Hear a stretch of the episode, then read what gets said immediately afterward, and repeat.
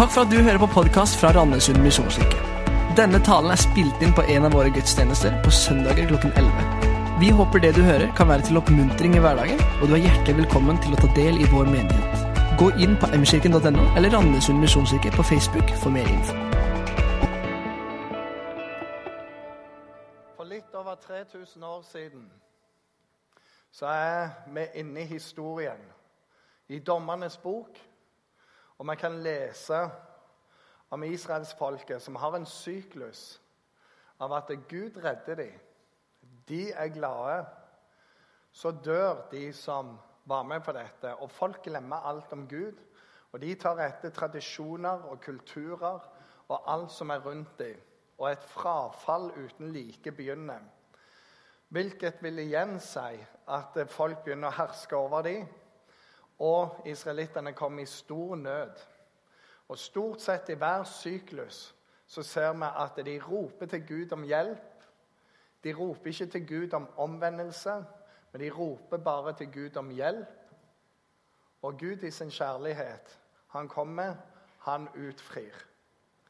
Men det er sjelden det er en omvendelse. Og likevel så er Guds kjærlighet større enn deres frafall.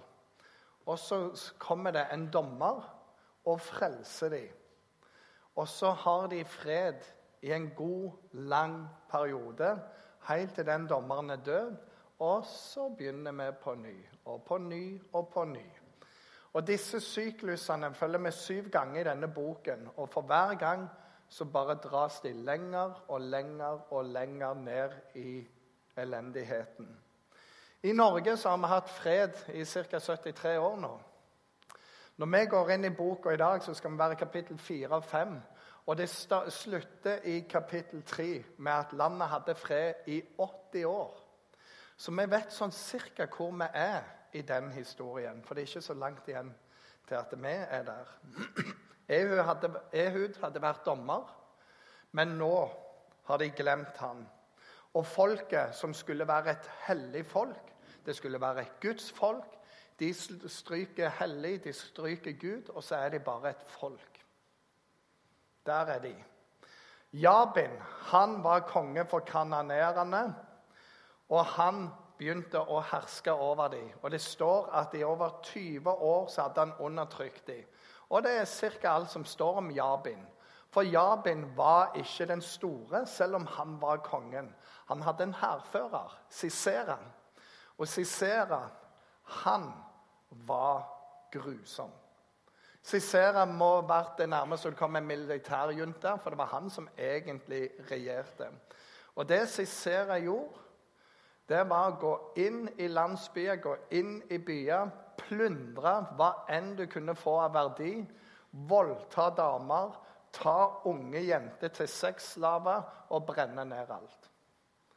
Det han tok med seg, ga noe til kongen, noe til hæren, en del til seg sjøl, og resten bygde han armeen sin med. Og han var uovervinnelig fordi han brukte hærpengene til å bygge det mest moderne som fantes på den tiden, og det heter jernvogner. Jernvogner var altså hestevogner hvor du sto bak, og du var trygg. De kunne sende hva de ville, men det møtte kun jernet. Det var datidens tanks, om du vil. Og På det tidspunktet, etter 20 år med undertrykkelse, så har Cicera bygd 900 jernvogner. Og Hvis du plasserer 900 jernvogner på sida av hverandre, så har du dekka ca. en kilometer i bredde, hvor du kan bare gå fram. Hæren er trygg bak, og fienden har ikke en sjanse. Og jo mektigere han ble, jo mer plyndra han, jo mer led folket. Og etter 20 år med dette så ropte folket til Gud. Og så er det jo da interessant at på den tiden der så var det ett type lederskap som gjaldt. Det var mannlig, modig, modent lederskap. Det var kulturen. Men hva leser vi her? Jo, når Gud virkelig trenger et mannfolk, så kommer Debora. Og sånn har det vært en del i historien. Har det vel ikke? Når Gud trenger skikkelig mannfolk, så kommer noen kvinner. Og det som er med Deborah, det er at hun var en ordentlig juridisk dommer. Det står at hun satt under et tre, og der kom folk til henne hele tida. Folk som var helt ødelagt etisk og moralsk. Hun hadde høy etikk, høy moral. Og hun skifta rett mellom folk. Og det står om henne at hun tenkte seg sjøl som ei mor for hele Israel. Hun hadde omsorg for folket som led så mye. Og En annen ting som er med Deborah, det var at det midt i en kultur hvor folk bryr seg om alt annet enn Gud, så lærte hun å høre Guds stemme. Og det er dagens fiende. Når alle rundt deg ser ut til å ikke bry seg om det rette, hva gjør du? Hun søkte inn i Guds nærhet. Og så får hun et ord ifra Herren. Jeg har hørt hvordan mitt folk lider, og jeg vil gjøre noe med det.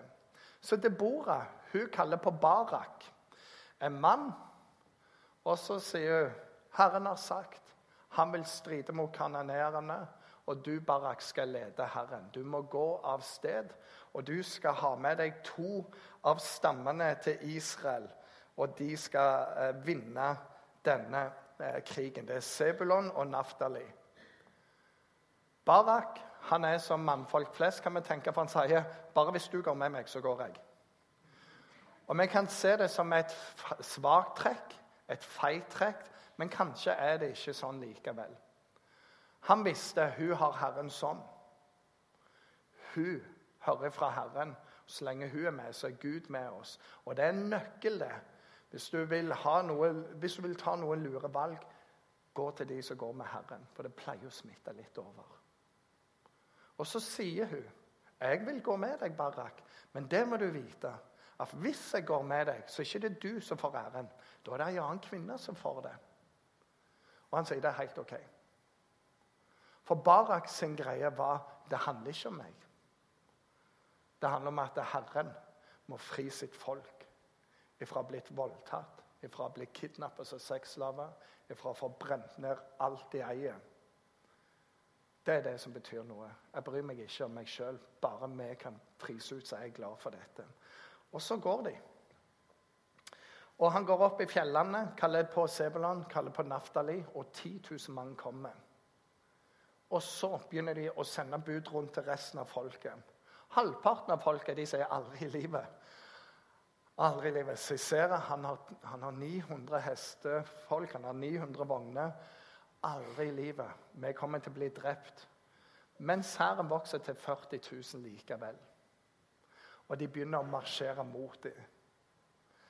Beskjeden kommer til Cicera. Og han er egentlig Wow! 40 000! Det er jo bare det partiet. Og det kan være at vi klarer å drepe og plyndre så mye at jeg når målet mitt om 1000 vogner.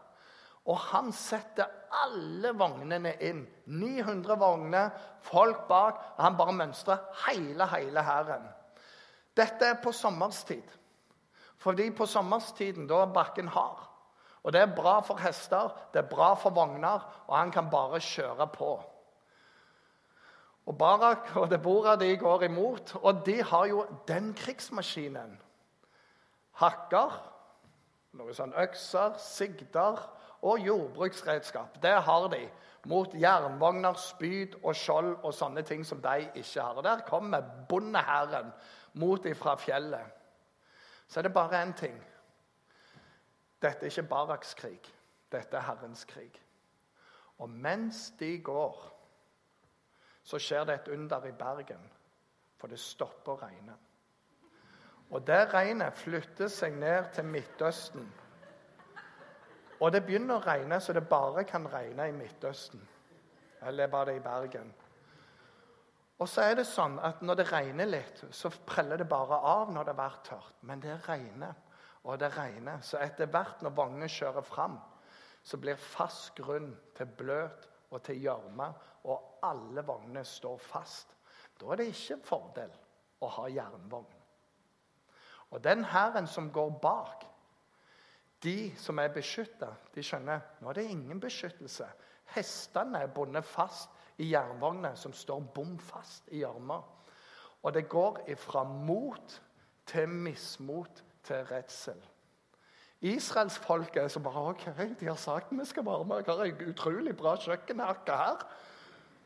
De går ifra det er best å holde munnen og bare gå ned, til Herren er her. Og de skjønner plutselig dette kommer til å gå bra. Og motet øker for hver eneste meter de går. Dopamin, adrenalin, alt bare koker i dem. Og det kommer til dette slaget hvor Cicera, den grusomme, hadde tenkt i dag skal jeg utslette et helt folk. Det var hans tanke. Det det ender med, det er at hele hæren utslettes den dagen. Det vil si at Sisera sjøl, han rømmer. Problemet er jo at hestene er bundet fast til vognene og fienden overalt. Så han løper. Det er han er god for. Og han løper og han løper. Helt til han kommer til teltet til eh, Kenitten Heber. Kenitten Heber han hadde en fredspakt med kong Jabin. Og det var egentlig ikke bra gjort, for han var egentlig israelittisk ett og alt i sammen. Litt sånn der han er luring. Han kommer bort der han vet der er noen som er meg. Der er jeg trygg. Og han kommer til kona til denne titten, som heter eh, Jael. Og hun står i teltåpningen. Og det var en skikk at ingen mann hadde lov å gå inn i teltet til ei dame med mindre du var gift med henne. Og Dette visste alle. Så hun sier, 'Kom inn og gjem deg her.' For ingen ville jo mistenke at han var der. For det var ingen mann som gikk inn i ei dames telt. Han visste vi er venner, jeg er på flukt. Han går inn, han gjemmer seg der under noen tepper. Så sier han til henne, 'Har du noe vann til meg?' 'Jeg er så tørst. Jeg har, jeg har sprunget sprunget.' Dama er veldig lur. Her kommer kvinnelist inn. Så hun gir ham melk og rømme, og han drikker og får i seg. Magen blir full av dette her. Han er trøtt av å løpe. Han har fått næring i magen, og han sovner. På den tida var det sånn at det, eh, var en annen type likestilling enn vi har i dag. Så det var damene som satte opp teltene når de reiste rundt. Og det var damene som tok ned teltene igjen. Det er litt til forskjell fra i dag. Det vil si at denne dama hun visste hva en teltplugg var, og hun visste hva en hammer var.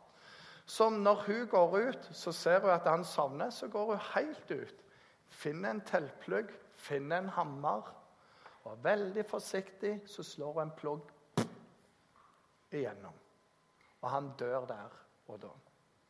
Og det var den siste og den største. Barak han kommer løpende etterpå. 'Har du sett Sisera? Har du sett han? Han er en plass vi skal ta ham har vunnet alt. Vi trenger bare han.' Her inne. Kom inn og se. Og han ligger der. Og etter dette så er krigen vunnet. Og det er fred i landet. Og det er her vi òg ser at Barak han var ikke lei seg for at det var Jael som fikk æren av å ta Sisera av dage. For det som skjer nå, det er at Barak og Deborah setter seg ned og synger. Og synger. Og de skriver den sangen. Og den sangen inneholder detaljer fra dette slaget som kapittel 4 ikke hadde. Så vi må skrive en hel sang i kapittel 5, sånn at vi skal få med oss litt mer av detaljrikdommen. For I kapittel 4 sa de var 10 000. De glemte de 30 andre 1000 som kom. De glemte de stammene som ikke kom. Og de glemte et par andre sånne detaljer, men det har de fått med seg i kapittel 5. Og i kapittel 5 får vi med oss hvor grusom Sisera var som hærfører. Og de synger. Og hele poenget med sangen som de to framfører, det er at det er Herren som gir seier. Det er Herrens kamp. Og når Herren strider for oss, så er vi på et bra parti. Det står en annen plass i Bibelen. Hesten gjør klar. Hesten gjøres klar på stridens dag. Men det er Herren som gir seier. Og det var det de erfarte. Jeg tror ikke en eneste hadde tenkt på muligheten for Herre, må du bare sende regn. For det skjer ikke. Men det er det som skjedde her. Så det er historien som vi skal være i i dag. Og vi har et par små ting vi skal trekke ut av det. Og Punkt 1 og 2 de har bare satt de sammen. Men det står det 'bruk det du har' på en best mulig måte. Debora hun var en jurist. Og hun brukte sitt yrke til å skifte rett, til å gjøre godt. Og alle folk hadde tiltro til henne. De kom fordi hun var ærlig. Hun var annerledes. Bruk det du har, på best mulig måte. Og la Gud få lov å tale deg og gjennom deg. Det står dette her. På den tiden var det en profetkvinne, Deborah, Lappidots kone, dommer i Israel. Hun pleide å sitte under Deborah-palmen mellom Rama og Betel i Efraim-fjellene. Israelittene dro opp til henne for å få dom i rettstvisten. Deborah sendte bud etter Barak, Abinoams sønn, fra Kedesh i Naftilandet, så vet du akkurat hvor det er, og sa til ham Hør hva Herren Israels Gud befaler deg. Hun hadde lært å lytte til Herren. Og det er clouet for enhver disippel. Det å lære å lytte til Herren. Uavhengig av hva som er rundt deg, så er det clouet. For den som hører Herren, den har et spennende liv foran. Og så velger Gud ei kvinne fordi han vil si det er meg som gjør det. Og Gud bruker hvem som helst. I Nytestamentet så står det dette. Her er det ikke greker eller jøde. Omskåren eller uomskåren. Barbar, skyter, slave eller fri. Nei, Kristus er alt og i alle. Så til meg og deg så er det et spørsmål. Vil du la deg bruke av Herren? Det kommer ikke an på deg. Han har sagt 'jeg vil bruke alle'. Det står en annen plass 'Herrens øyne farer ut over hele jorden'. Og han leter etter de som vandrer helt med ham. Så han kan velsigne dem, kan bruke dem. Så for oss handler det òg om da, å leve helt for Herren. Det var det Debora gjorde. Sa Husgeir, på grunn av. Og hun er den beste av dommerne. Hun er på grunn av.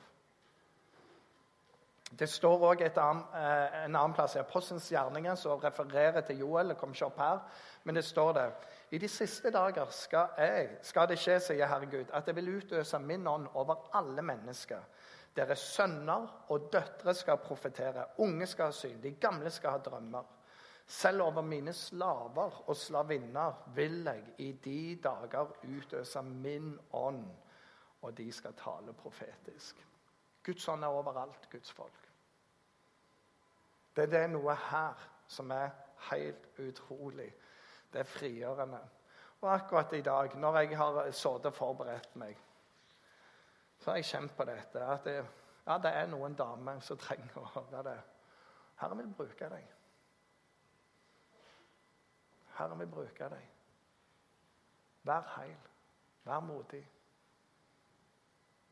Lytt til hva Gud taler til deg. Gå på det. Han brukte det bordet. Jeg kan sannelig bruke deg. Det andre poenget ta ansvar når ingen andre gjør det. Det står dette her. Landsbyene lå øde i Israel. De lå øde. Før jeg, Debora, sto fram. Sto fram som en mor i Israel. Noen må ta lederskap. Jeg har en eh, pastor som jeg kjenner utrolig godt, som er i USA og skal besøke neste uke. og Han sier alltid 'If not you, then who?' Og Han snakker alltid om dette. Noen må gjøre det. Hvis du ikke gjør det, ja, hvem har du tenkt da? Og Hans poeng er alltid 'gjør det'. Noen må bære dette. Ta ansvar. Koster det noe? Yes, det koster. Men det gir noe. Spesielt for de andre. Ikke alltid for oss, men det gir noe. Og Så kommer vi til dagens fiende, som er når alle andre faller fra. Når alle andre begynner å leve på en annen måte, men du vet dette er feil, hva gjør du da? Vær motkulturell. Vis vei. Det er det hun gjør. Og hva er fienden? Når hele familien din ikke bryr seg. Ah, er det så nøye? Vi gjør det på vår måte. Du vet, Vi i Foss-slekta. Vi gjør det sånn. Vi har alltid gjort det sånn. Ja, Men det er jo ikke riktig for det. Ja, men det er ikke så nøye. Vi bare fikser mellom oss. Det er ikke å være morkulturell. For jeg tjener Herren. Og han har kalt seg inn, meg inn i sitt rike. På arbeidsplassen din, det er alle andre gjør, men er det riktig? I vennegjengen din, er det riktig for deg? Paulus skriver en plass dere som begynte i ånden, hvorfor vil dere fullføre skjøtet? Se til at kjærligheten ikke blir lunken eller blir kald. Tenn på ny den nådegave som er i deg. Det gjelder helt fram til meg i himmelen. Det som er interessant med å leve med Gud, det er at du kan gi maks ut, og så vokser du etter hvert.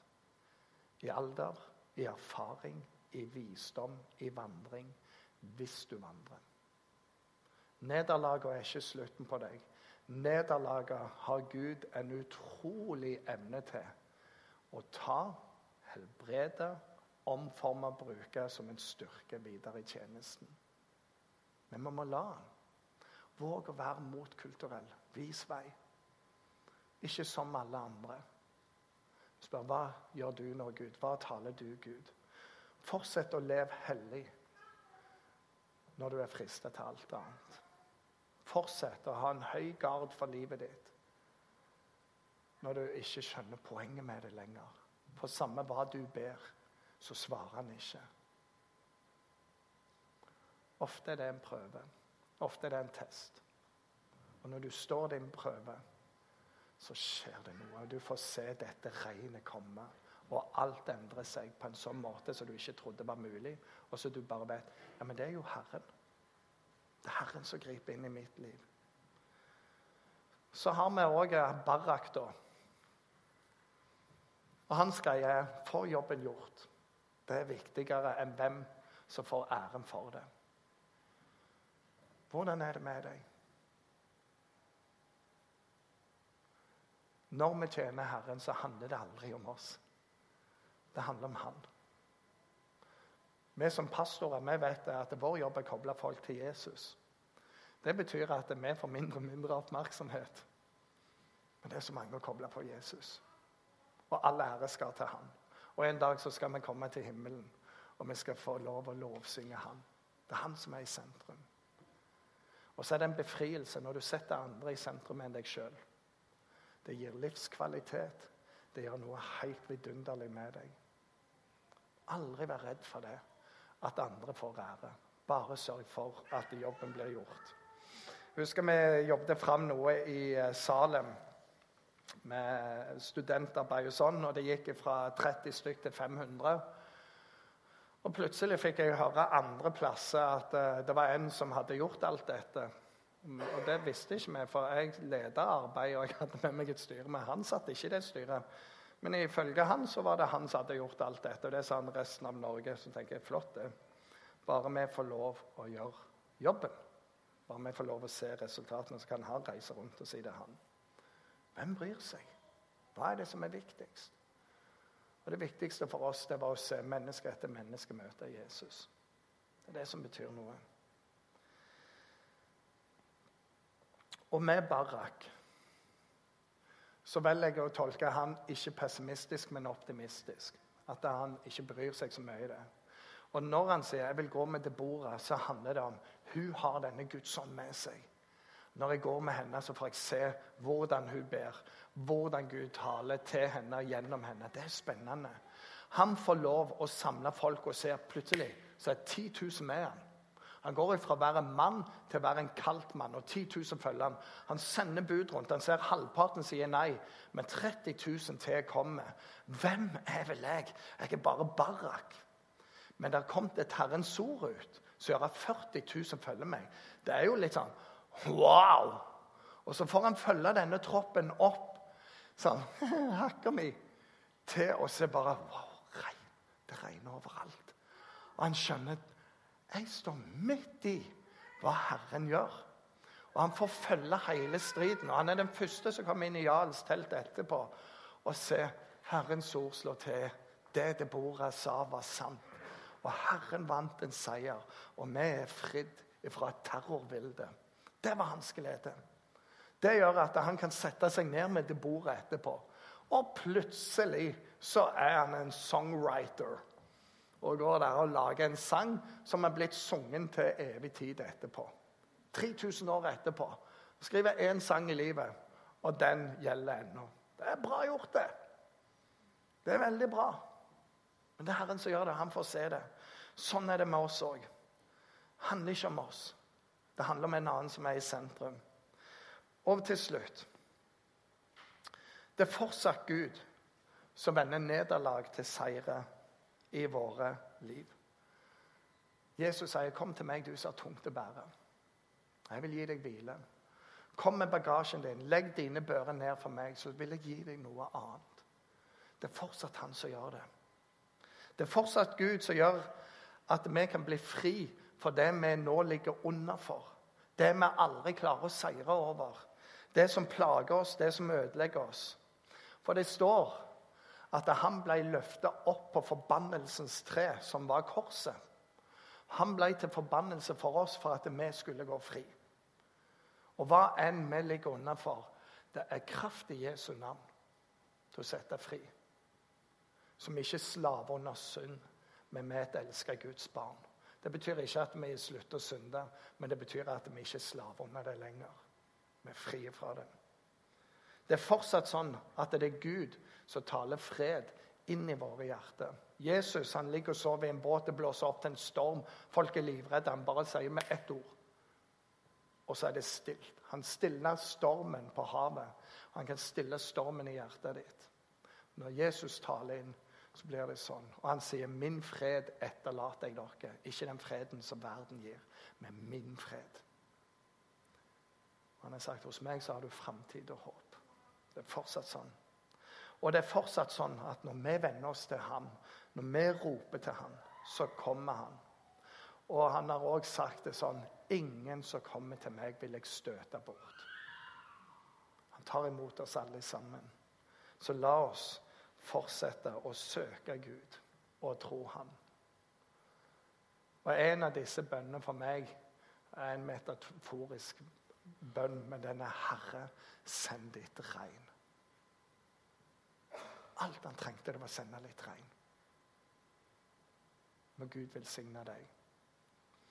Herre Jesus, jeg takker deg for det. Takker deg for disse historiene som De er grusomme, det er vanskelig. For en tid, Herre. Og midt i der så er du med din evige kjærlighet. Når folket sier 'jeg vil ikke ha noe med deg å gjøre', Gud, så trekker du din hånd vekk, og så får de smake livet uten deg.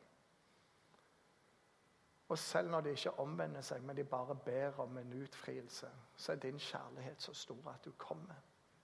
Jeg takker deg for at din kjærlighet er så ekstremt stor at du sendte din eneste sønn for å dø for oss. For du bare elsker oss. Så takker jeg deg for at vi vet ikke hvordan du gjør det. Men du sender regn mot jernvogner. Og det er alt som skal til. Herre, så ber jeg om at du skal tale fred inn i trøblete hjerte. Og jeg ber om at du må hjelpe oss å gå fra å være et folk til å bli et hellig folk. Til å være ditt folk. At vi i møte med kulturen rundt oss sier ja, men jeg ønsker å gå på Herrens vei. Jeg ønsker å ta et annet valg. Og du har sagt med deg så starter jeg en slekt. Så ønsker jeg jo spesielt å be for de damer som, som har bedt til deg. Hva med meg, Herre? Herre, det bor et eksempel på at det går an å leve rettferdig blant sine samtidige. Det går an å gjøre sitt beste. Og det går an å lære å lytte til din stemme. Bli på sin post helt til du taler. Be om dette i Jesu Kristi navn. Amen.